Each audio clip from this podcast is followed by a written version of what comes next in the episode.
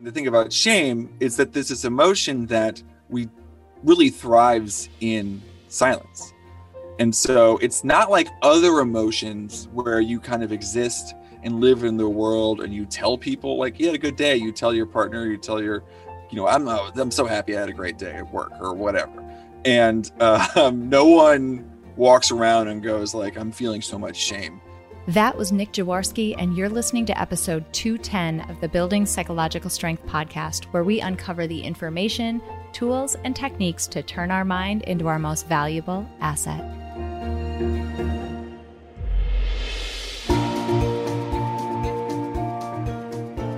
The courage to face fears with persistence. Being able to be present enough in this moment to choose my response thoughtfully. We have the strength to bend to life stressors, to bend to adversity without snapping, without breaking. There are only six things that contribute to our quality of life, and they are all experiences. In every moment, we are deciding who we want to be and how we want to live our lives. Noticing what your brain is doing and then being able to make choices mobilize the things that we know lift us up. Hey everyone, welcome back to the Building Psychological Strength podcast. My name is April and I'm your host. I want to ask you a quick question.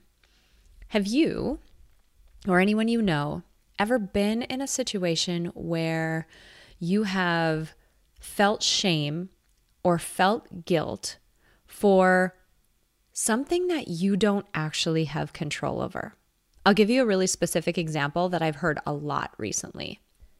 During the COVID pandemic, especially around times when schools were moving to distance learning or parents were having to decide what option they were going to choose for their kids, I heard a lot of parents saying, I feel so guilty. I feel so ashamed because I feel like I'm choosing, you know, working over my kids' health and safety. They were saying, it's as though I'm choosing to go back to work. And because of that, I'm sending my kid to school. And I feel guilty for doing that because that doesn't feel like the decision that I really want to be making.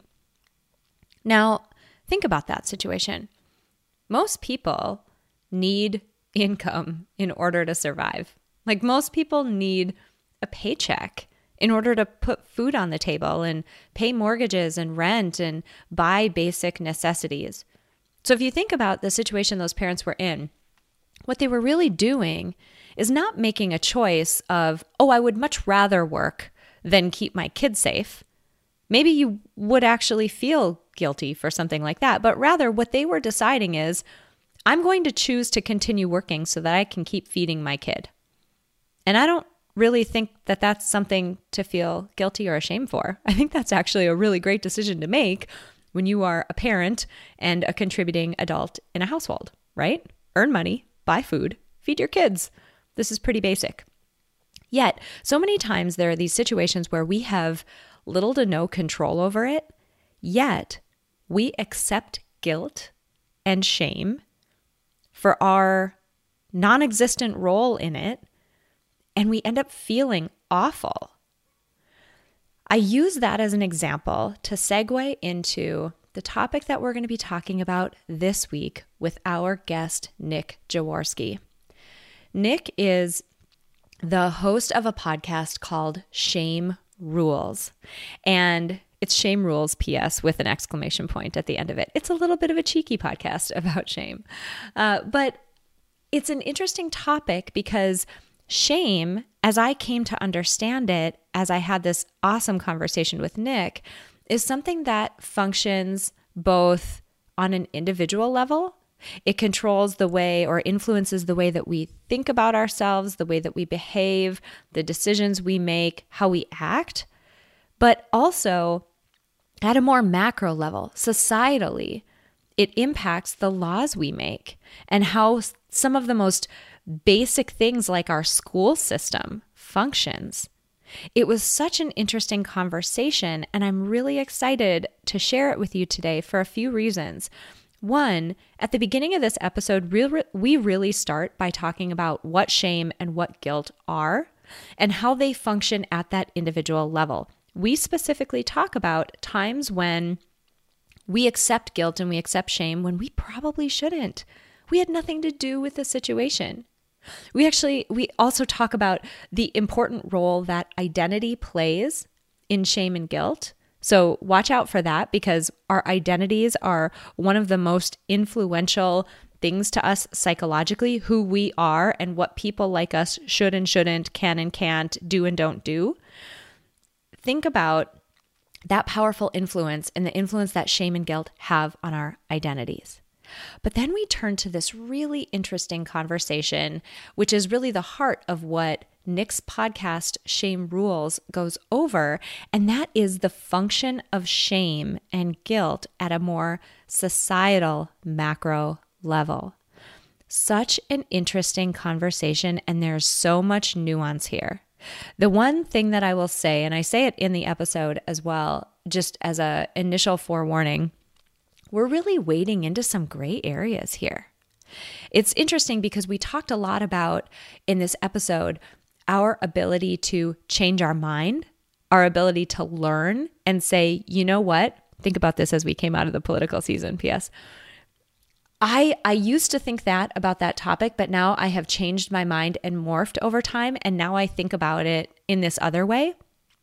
And the way that we react to people who admit to things like that and the role that social media plays in all of that. Talk about some gray, ambiguous, difficult uh, topics to wade through, but we hit on them in this episode. And I think you'll find it really interesting as you think about how, how all of these pieces apply to your own life. Think about times when you have wanted to make a pivot or a change in what you do or believe or stand for because you just grew and you learned and you know differently now. And so you want to be or behave differently now, but you run up against friction because you're going to have to admit outwardly that you changed your mind. And there's some latent and underlying shame in that. So there are a lot of really interesting, sort of difficult to wrestle with nuggets in this episode that I don't want you to miss.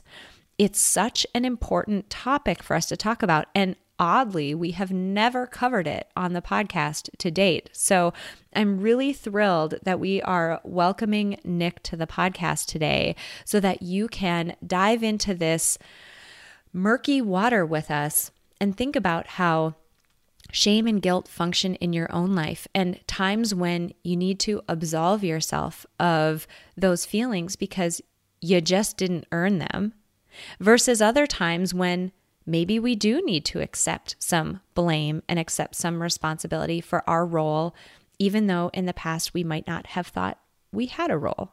I'll just leave that little cliffhanger there. I really hope you all enjoy this episode. Before we jump into it, though, I want to make sure that you have all had a chance to hop over to peakmindpsychology.com backslash quiz.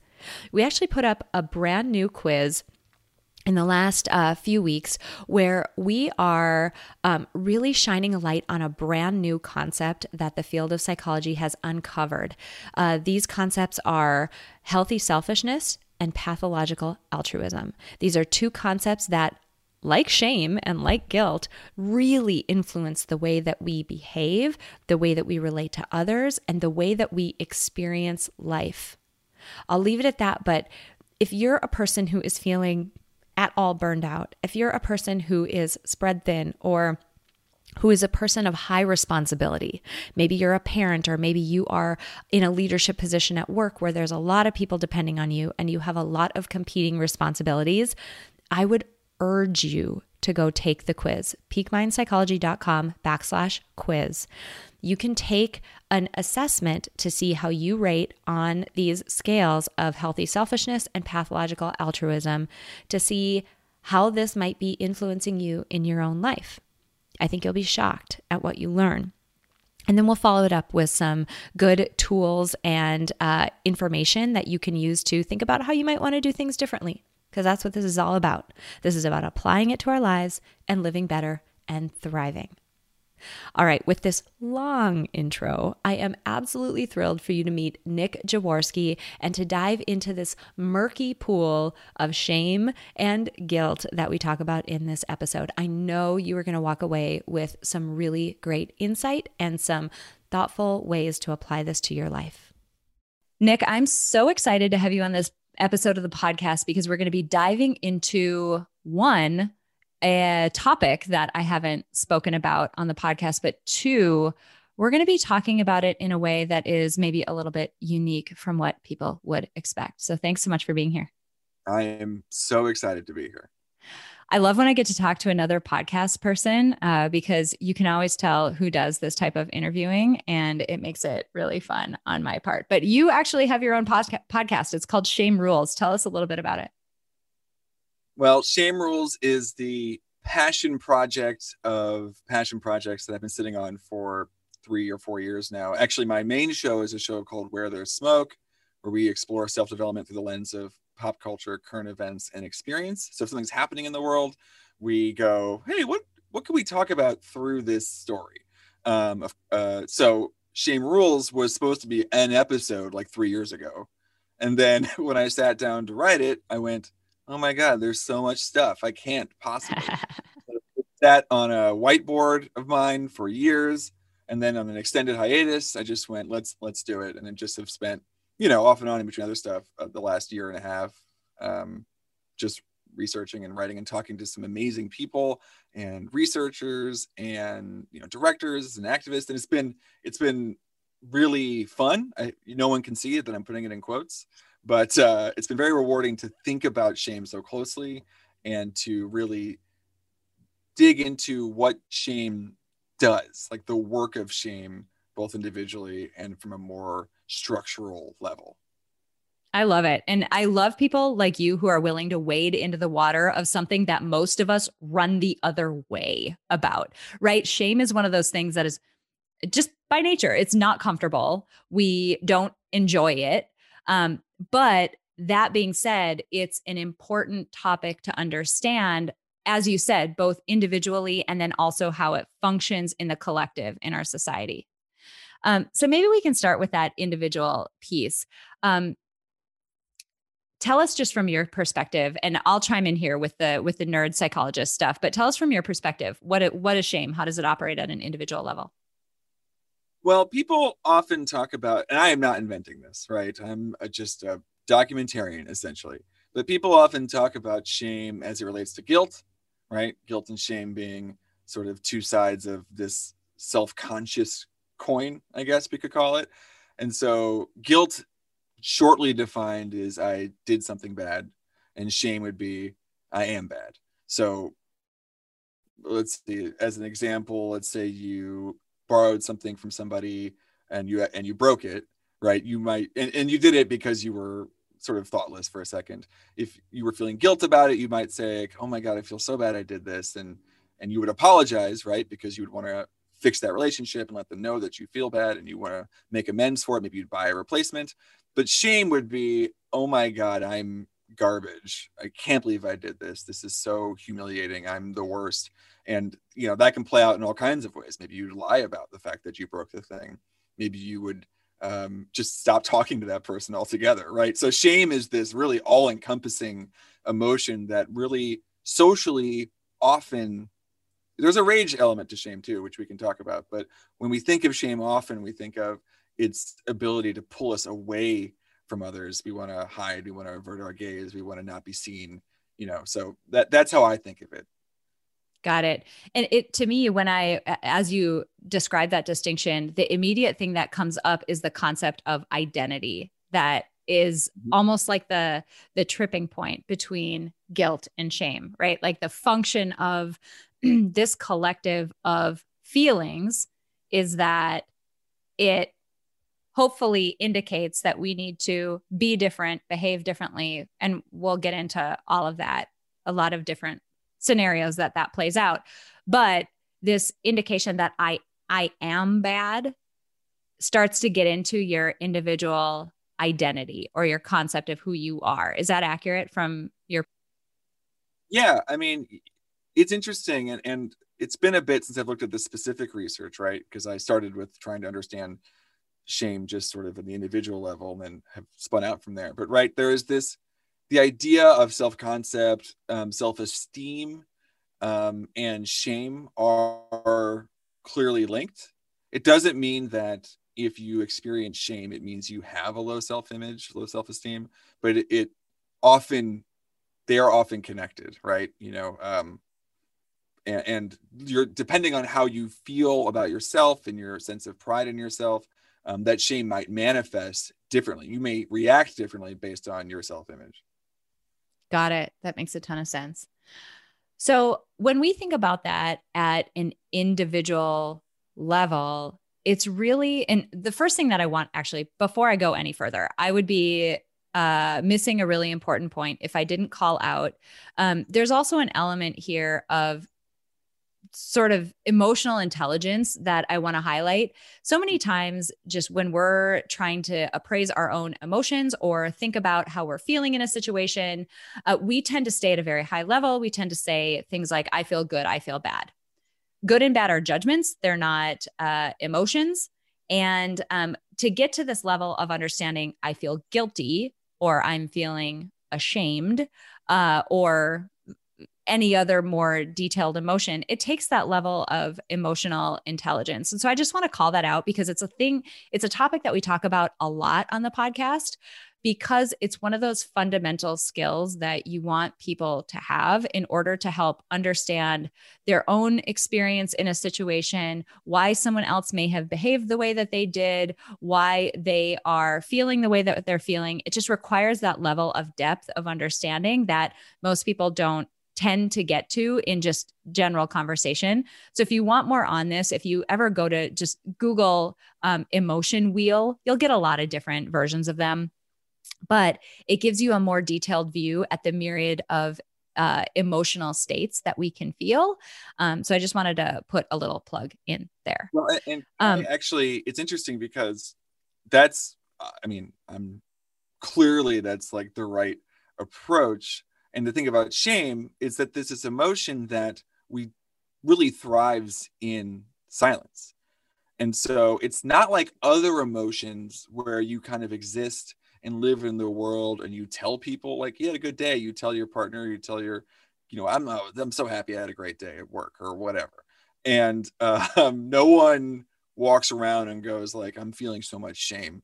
And people don't generally um, reflect that back to people they don't see someone's behavior and go like you look like somebody who's like sort of suffering through this right now. And so if you're able to recognize it within yourself you're gonna save yourself a lot of problems. I mean you know that's that that recognition of what is a shame event is going to really save you i think a lot. Oh that go i i could thump on that topic for so long. That goes for, I mean, all of the sort of related emotions that we just don't really enjoy having. So things like jealousy. How often do we really openly admit, like, man, I'm really jealous of that person, or you look like you're really jealous of that person in just an objective pointing out sort of way? We don't because it feels like it's an emotion and a and a feeling state that is improper for us to have like it's wrong if we ever feel that way but ultimately, every single one of those feeling states and those emotions are things that come up, they happen. They like we all have this complete emotional uh, continuum or uh, mo- emotional experience that we have, and all of them are normal. They all happen. And we'll get into yeah. a lot of different ways in which uh, that comes about, but they all happen. I want to talk. Well, and- oh, keep going. Well, I, I, sorry to keep derailing this, but it's interesting. No, I love it. Talking about jealousy as this idea, right? I mean, is there a connection between shame and jealousy? Probably, but the this idea of shame, you know, it's like one thing to feel shame, right? But do you know what's even more shameful than feeling shame? It's it's having someone recognize that you're ashamed.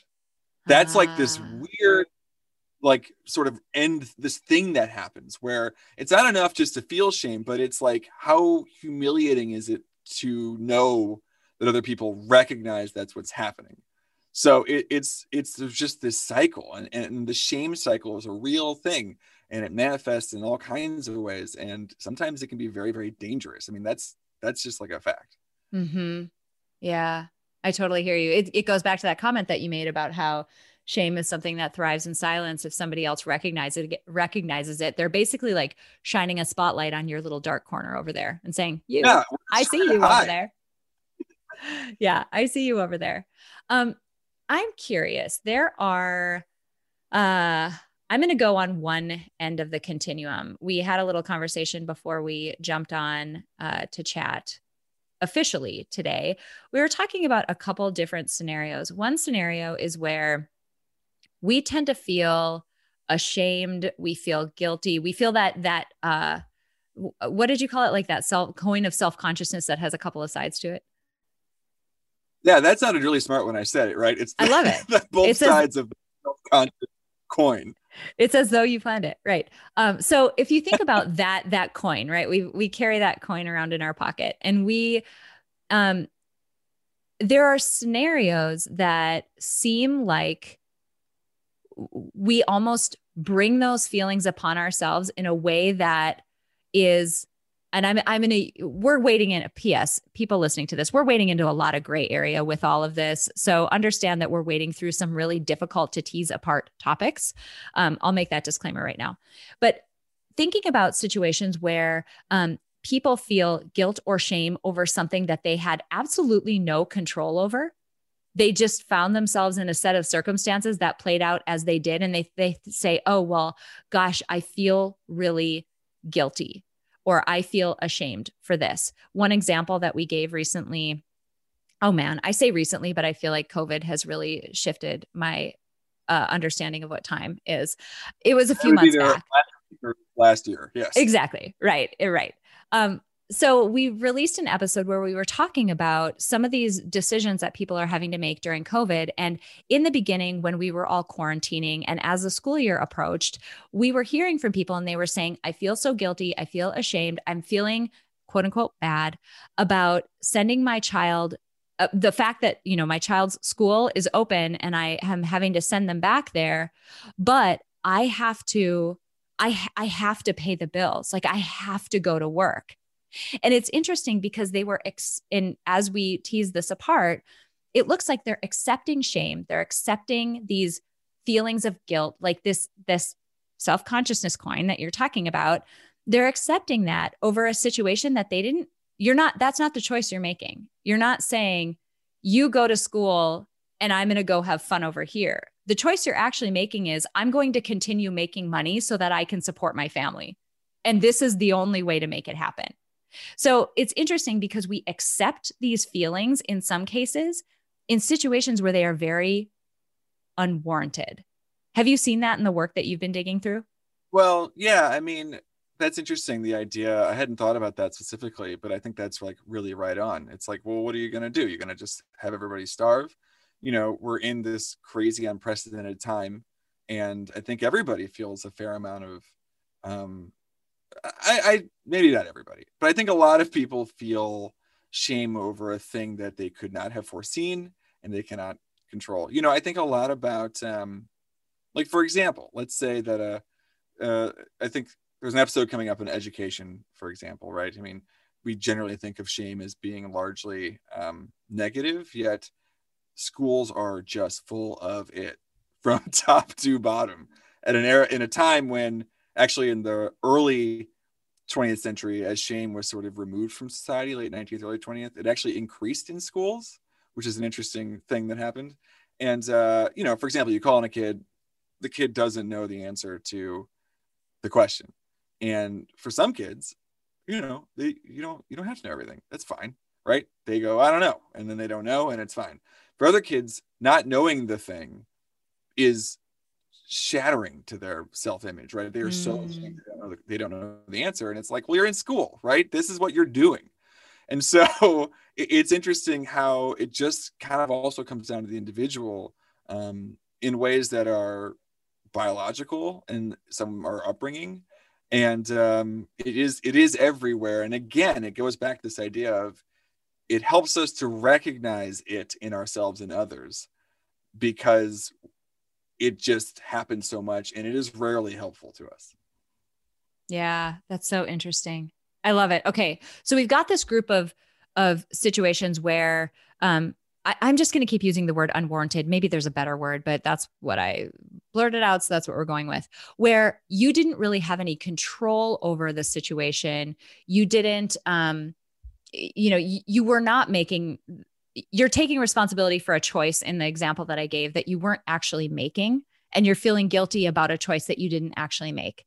Mm-hmm. There's a whole other class of scenarios, though, where it is more warranted that we would feel bad about or feel guilty or feel ashamed of our role in the situation um, where particularly what i'm thinking about is times when diffusion of responsibility gets in. So if you've taken a psych 101 class there is this um, historical example that they give about this woman named Kitty who was murdered in this courtyard and she's screaming and these people are killing her and whatever and nobody calls the police because they're everybody's looking at this situation and saying, "Oh, well, I'm just one person. There's all these people. Somebody's going to do something. It doesn't need to be me." In other cases, we look at a large situation. We're like, "Well, look at all these people who are involved. My one act can't possibly have that big of an impact, so I kind of get a pass for not either acting or uh, making the appropriate choice, whatever it is, we sort of diffuse the responsibility out and away from ourselves and we don't accept the control and the role that we do play. And in those cases, it feels like we are less warranted in pushing that guilt and that shame away when it might actually be something that motivates us to action. I'm just going to pause and see what your thoughts are on that. Well, this question of I got a little distracted because I, I am thinking about that that Kitty Genovese story that you yeah. referenced. You know, I'm I'm not positive, but I actually think that that the idea of a bystander effect is very real. I think that that particular story has been re-examined recently, and that the reporting on it was not. Yeah, it was a little like sketch. Yeah, so it's interesting, right? It's an example. It's like uh, of something that is real, but perhaps anyway. So uh, the what was the question i'm just oh. curious about i'm curious about situations where we can diffuse responsibility out to other people it's a way of sort of distancing our responsibility or our role in a situation and it uh, it's almost a way for us to avoid feeling guilty avoid feeling ashamed that we didn't react or act in a way that would have help the situation along long term because we just kind of said, you know, my role can't be that big of a deal. This really can't matter that much if I act. You know, I, I think of I have a 11 year old, and um, you know, he's not biologically mine, but you know, we we do the thing. And sometimes I I find myself if he makes a reference to something, you know, that I I recognize as like, oh, we don't have, you know, oh, you forgot my piano lesson today or whatever. right? It's not a big deal. I like feel something in my body that goes, uh, you're better than this. You couldn't possibly, it couldn't be your fault. Right. Like, mm. I'm not saying that I act out way. I'm not, I want to be very clear about that. But I have to catch myself and go, um, wait, oh, I just, it's fine. I just missed it. And it wasn't because they didn't tell me ahead of time. I, I just made a mistake. And um, that's like a very, very, very low, low, low stake example of just, you know, if it's amazing how often people feel like that they're the one who acted correctly. I mean, God, I mean, how many? Mm-hmm. It's almost like I mean, if you ask someone to replay a situation, they're like, "Why did this? Because I thought this, and that was the right thing to do." I mean, it takes a lot for someone to admit a mistake, and I and I would argue that in modern times, you know, that it's even harder for us to acknowledge a mistake because we have no room anymore. We have no little private space in the world where we exist, where we can reflect and and on our actions and accept them. You know, um, and that same is true for an opinion we have. It's almost impossible to change an opinion now because we've said it to thousands of people on online. And at any point, if you change an opinion, somehow, well, you, you were too dumb to say it in the first place. Why did you say that if you think this other thing? And that and no one wants to be stupid. That's shameful. Mm. So we, we, we constantly kind of boxed ourselves in because we don't allow ourselves space and and i would argue structurally as a society we've we've really cut off avenues of reflection and so so often um, shame reactions have turned into just um, deflection or rage that's so interesting. I'm just going to parrot this back and make sure that I'm understanding this. But as we look at just how visible our lives are, and, and we make them visible, right? Nobody just auto posts stuff on social media about your life, right? We choose to put this stuff out there. We, we, you know, post on social media. We like things, we share things, whatever it happens to be. Um, but because of that, everything is so visible. And now, if we change our mind, it's proving that we were wrong in the first place. You almost have to s- sort of eat crow visibly yeah. and publicly, whereas before you could be a little bit more fluid because there was more privacy and discretion around how your opinion initially was stated. Is that well, semi accurate? Yeah. yeah. I mean, I I have started to feel particularly strongly about this. I use use any bad example you can think of. You hold this opinion, which historically is let's just say history would prove that it was a bad opinion and you're in your house and you got your neighbors and they might say to you didn't you used to think x whatever terrible thing it was or whatever thing and you could just say no. Like you could just say i did like you have so many options or you could have a conversation with them about like well i didn't know xyz um, but we're there's no room for that because now someone can go three weeks ago you said this. So what now what? Are you were you wrong then? Are you wrong now? And just that like it keeps going. And so we as a society have offered no benefit for someone to change their mind at all and i do mm. think we see that play out in every level of politics for example from everybody right? I mean i've really seen it come into you say what's the value in telling a voter for example that like oh i i thought this when i campaigned i now think this now um because of this xyz situations have changed. Um, there's no there's no time or energy for anybody to evolve on anything anymore. Yeah. Because because we're going to turn on them. Their weakness their like strength of inability to hold an idea turns into a weakness and they're just going to get jumped on. So it's i i do think that is strongly connected to shame or, or particularly to the act of shaming which is a, a, another you know you can shame someone and they don't feel ashamed. So we, we tend to they're just they're just different ideas and i know i kind of spiraled out here but i do think the concrete nature in our public lives have morphed what shame does to all of us. Yeah that's so interesting. And the uh the implications of it then and and here we're talking about more of a you know a macro trend of using social media versus our own individual decisions. Like social media is a large trend but lots of times within psychology we ask the question um, is is this behavior so in this case you know social media being a broader thing is it workable? So is it and by that we mean you have an end goal. You have a long term general direction that you want to be going in. Is this thing pointing you in that direction long term not is it helping you out momentarily and in the short term but long term is it working and is it effective in getting you to go in that direction and so many of these things they they just aren't and helping us become more uh, maybe empathetic, understanding, seeing the gray areas and things, which most things are very gray. Um, this situation that you've described really is not workable in helping us sort of nudge our way into that gray area and reach any kind of understanding.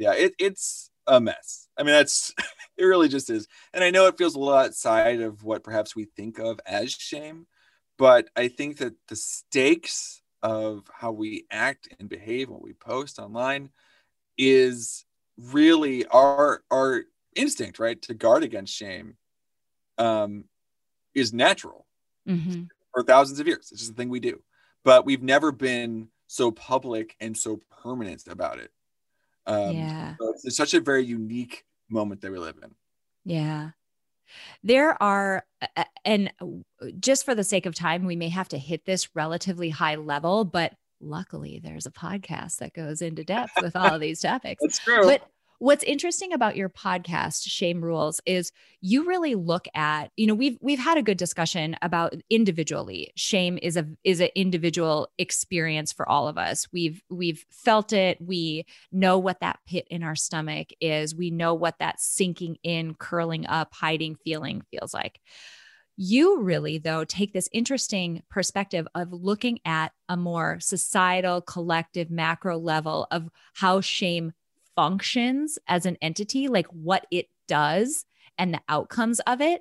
And you've got a few episodes of the podcast out where you've dug pretty deep into this. Can you give us maybe just sort of like hop along the lily pads of a few areas that maybe you've touched on already, or maybe that are coming up in the podcast where shame plays a role collectively? Because I don't think people have really, I certainly had not thought about this until I encountered you and your work. Well, that's exciting. That's the that's the goal. You know, the the name of the show, Shame Rules, is is it, it has an exclamation point in the title. We're trying to be kind of like me, and Winky, and I say we, I mean me, and um, you know, but the show is is attempting to be not dispassionate, but to be optimistic about the opportunity to discover where shame exists. It's not a particular. It, it deals with heavy topics, but hopefully in a way that it's approachable um, in terms of the kinds of stories, you know, we have an episode coming up on education, for example, and I've already referenced this once. But you know, a, a, a place where I think on paper, I mean, even when we talk about it, I mean, children, we mold children through their environment, through their interactions, through their relationships with their peers, through their relationships with adults, and we say that shame is bad, but schooling in general is I don't know if it's built on shame, for example, but it, it's hard to think of a classroom that doesn't have a fair amount of it, you know. And in fact, mm-hmm. here's like in Missouri, for example, it is still legal to use corporal punishment on children at public schools. That's amazing. I went to graduate school in Nebraska, by the way. I'm from North Dakota. You can't get more north than that, right? Nebraska is like middle ish.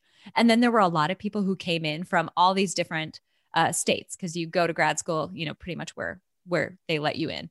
So all of us converged there. And I learned that when I was in grad school. I'm like, what? You can hit kids in school. This is crazy. Yeah. So from my my upbringing, that was shocking. But uh keep going, keep going. I had to interject for a second. No, it, it, I like knew it in the recess of my mind. And it's not used all of the time, but there are hundreds of kids a day in public schools around America who are being, you know, uh, uh, paddled or, or whatever along the lines, which is sort of you know, it's not that dissimilar from when you think visually of public shaming. You think of somebody in the stocks or the pillory, right? Their arms and their hands are in the board, um, and they're being yelled at or, or whatever. I mean, it's it's it's fascinating. Or I used to be, I in my former life, I was a music teacher. I have a two degrees in music education, and um, I look back at my whole experience. Or you think about uh, athletic coaches or theater programs, right? And the role of shame in as the very core value of instruction. I mean, God, high performing sports teams, music programs, theater programs. I mean, shame is the mechanism to motivate children.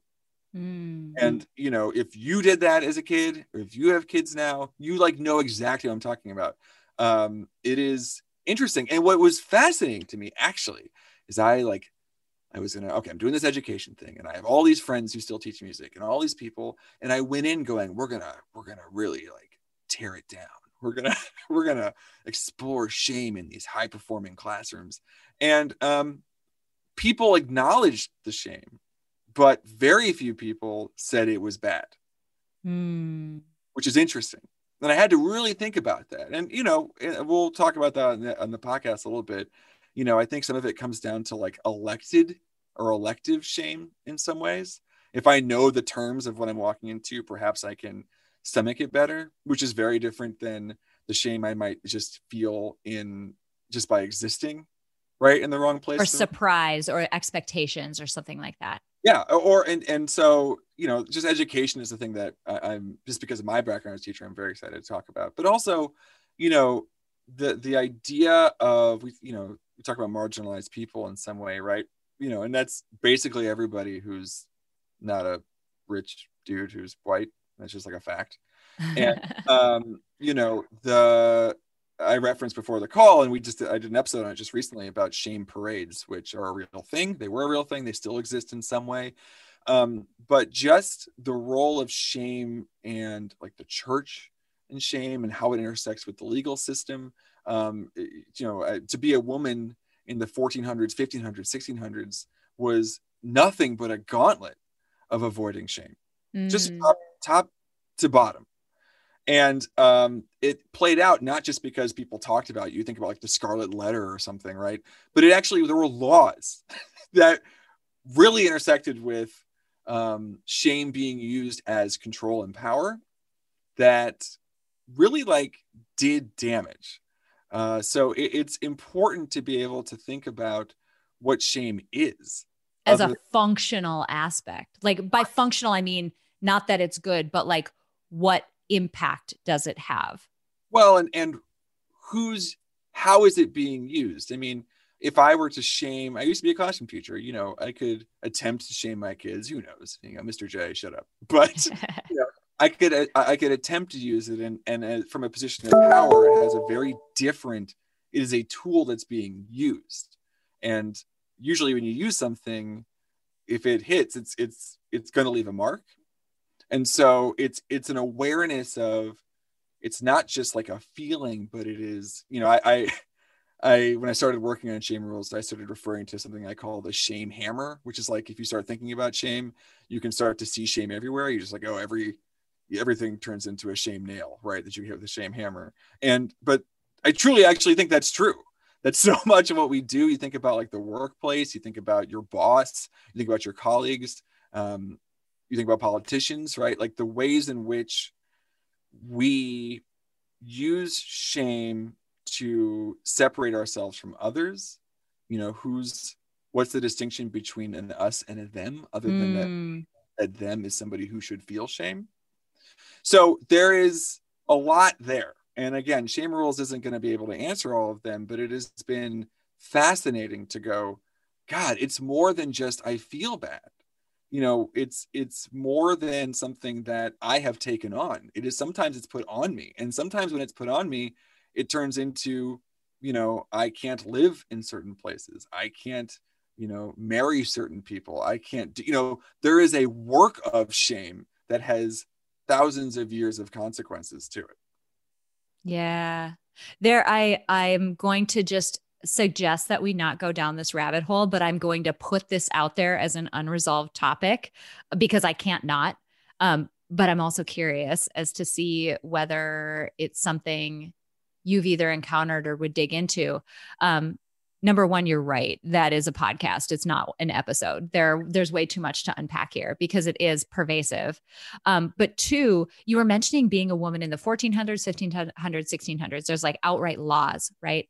So, my official background in psychology, what I wrote my dissertation on, what I studied the most intimately deep down was cognitively how we uh, encode, store, use information about social groups. And the the official word for that is we create cognitive stereotypes. We have stereotypes in our mind, and that helps us evaluate uh, the world and influences our behavior a very closely and adjacent set of work that I also dug into quite a bit was around prejudice and discrimination.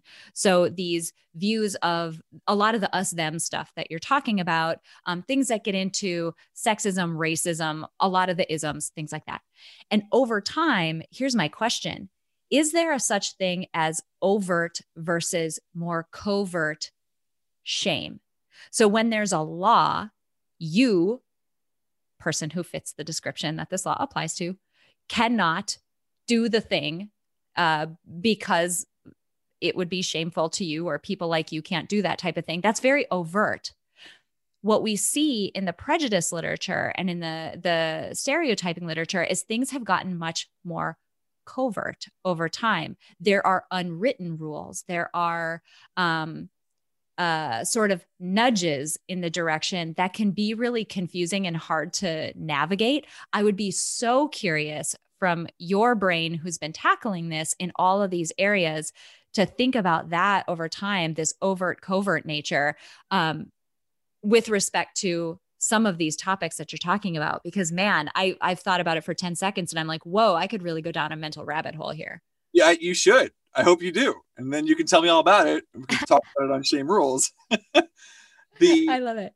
Yeah i mean it's just that us them thing you know in a former life i actually um, almost made a show called us them and my grad work, in addition to music ed, was in communication and this idea of identity, which you've already talked about, and how easy it is to create identity through a pronoun. You know, who is us? Who who is yes. us? You don't say it them. You've created it them. And now, as we've sort of discussed, I once had a well, I don't want to get into that, but you know, as we've discussed, you know, the um, it's so easy to say us because you want to feel good about it um, and then you start to go, wait a minute, am I saying us? Because to not be us would be shameful. Does that make mm-hmm. sense? So, yeah. what is the work that I am doing to make us okay because of my own shame? Ah, uh, this gets very meta. Oh man, I could talk to you for hours. This is like getting dangerous here. um, what I'll say is to start moving us into a wrap up position because wow, like honestly, there's a lot of rabbit holes that I would love to go down with you. Um, in the perspective of shame and the way that we've been thinking about it, how do you think about psychological strength being positioned there? Like we think about psych strength here as being, you know, these abilities and this um, these uh, skills that you can develop and practice. I would love to hear what that means in the context of the work that you've been doing you know, I've thought about this before, and it's like one thing to tell somebody, hey, you have to be able to recognize your own shame, which obviously you do. That's like huge. It, it, when you get angry, specifically, actually, particularly, is this anger related to the fact that I feel like garbage? You know, it, what am I doing? What's the work I'm doing? This feels like a lot of work, this anger or whatever. So that's one. But that's actually, as I think more about it, that's hard. It's hard to stop. It's hard to slow down. I've really been thinking a lot about how we perform witnessing someone else's shame for others, which is a couple steps. I know that. But the only chance that we have of saying to people, like, look, shame is a natural emotion. You know, I, there's this tendency now to go, you shouldn't feel shame and other people shouldn't shame. And it just, it's like too much gatekeeping. It's too much work. You know, shame is a real thing. It goes back to the first pages of the Bible itself. Shame is something that is applied to Eve in page like two or whatever, right? It's a it is a fundamental human emotion that we have been talking about for a long time. But if I if I'm a child, if I'm a neighbor, if whoever, I am able to witness other people um, grant grace and space to make mistakes and to own them. Um, I think that that is valuable, right? I think it's, it's like witnessing that might be more important because it's so hard to catch it in ourselves. Mm. And if, mm. if all do that, I feel like perhaps, you know, if you think about your children your community or your neighborhood, that there might be some opportunities for growth. Um, but it just takes with us owning like what can I recognize someone else's shame? And then how do I manage that? How do I accept that and just sort of accept it as a thing? and not necessarily that they are that thing. Yeah. Oh, that's really good. You know, it makes you think about those situations where somebody does the the political word is you're a flip flopper. You flip flopped yeah. on this, right? Um, where somebody you know maybe has changed their mind, opinion, views, beliefs on something very fundamental and approaching them from a perspective of curiosity. You know, what what is it that you learned or experienced that caused a shift. Like it's an open, a more open stance to that than that's not what you said before. Let me dig up that tweet and show it to you. Um, it's I love that as a tactic. That's incredible. Um, we've talked about your podcast a bit. Can you tell people where they can find your podcast, learn more about you and your work? Because this is fascinating, and I know that we have just like eked across the surface of it, and there's a lot underneath here. Well, I want to talk to you later about this group stuff that you did as as part of your scholastic work, your academic work. I'm very fascinated. Yeah, yeah, yeah. But uh, you know, you can go to shamerules.com. You know, we've got uh anywhere you're listening to this podcast, you know how to find podcasts. We're on all the major platforms. We do have um on our social media, we did um, we have photos of people who have shame rules bags that they've placed on their heads and taken photos of themselves. All I died laughing. Oh my God. That is so funny. I love it so much. So, you know, we're really trying to to make shame fun, to really think about uh, the stories. These are these are stories that we're being told. I mean, I bring on experts to tell me through the story, to talk about the psychology of it, to talk about the research. But the idea here is that um, we we want to just be very honest with ourselves and say we don't fully know all the work that shame does, but we know it's there, and so let's let's dive deep. So I would love for people to come listen. Um, you know, because I'm very excited. I'm very proud of the work, which is hard for me to say. You know, that's my own journey. I am very it. proud of this show, and um, I, I do think that you know it covers things it covers so many topics that it I find it hard to believe that a listener wouldn't have an entry point to start with. Wonderful. This has been such an interesting conversation. Nick, I so appreciate you coming on, sharing your background, sharing your podcast with us, and talking about a very nuanced gray topic in a way that, I mean, truly, before I stumbled upon your work, I hadn't thought about it from this more macro, macro functional perspective. It is making me rethink so many just institutions and and uh, things that we take for granted in society and the role that shame might play in it. So, thank you so much for being with us. We so appreciate it. This has just been fascinating. Well, thank you for having me. It's been fun. It's a simple fact that nearly everyone in the world could benefit from building psychological strength, but not everyone will put in the time and effort to do so. But today you did. Thank you so much for listening to this episode of Building Psychological Strength. Now, if you're interested in building the mental toughness, confidence, and resilience you need to thrive through life's ups and downs, visit us at www.peakmindpsychology.com. Also, if there's someone in your life who could benefit from this episode, please share it with them. And if you yourself found this episode valuable, meaning if you took away even one insight that you can use to build psychological strength in your own life, we would so appreciate it if you would drop us a rating and a review on iTunes. The thing is, the more ratings and reviews we have, the easier it is to get this powerful and important content out to the people who need to hear it. Remember, your mind can be your most valuable asset or your biggest liability, and you get to choose. So choose wisely, my friend. And I'll see you next time on Building Psychological Strength.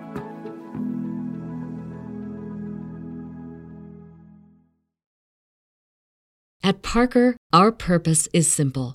We want to make the world a better place by working more efficiently, by using more sustainable practices, by developing better technologies. We keep moving forward. With each new idea, innovation, and partnership, we're one step closer to fulfilling our purpose every single day. To find out more, visit parker.com/purpose. Parker, engineering your success. Swimsuit? Check. Sunscreen? Check. Phone charger? Check. Don't forget to pack the 5 Hour Energy. It fits great in a pocket or carry on, and the alert feeling will help you arrive ready for anything. Now get 20% off when you use code 5HE Travel at 5hourenergy.com.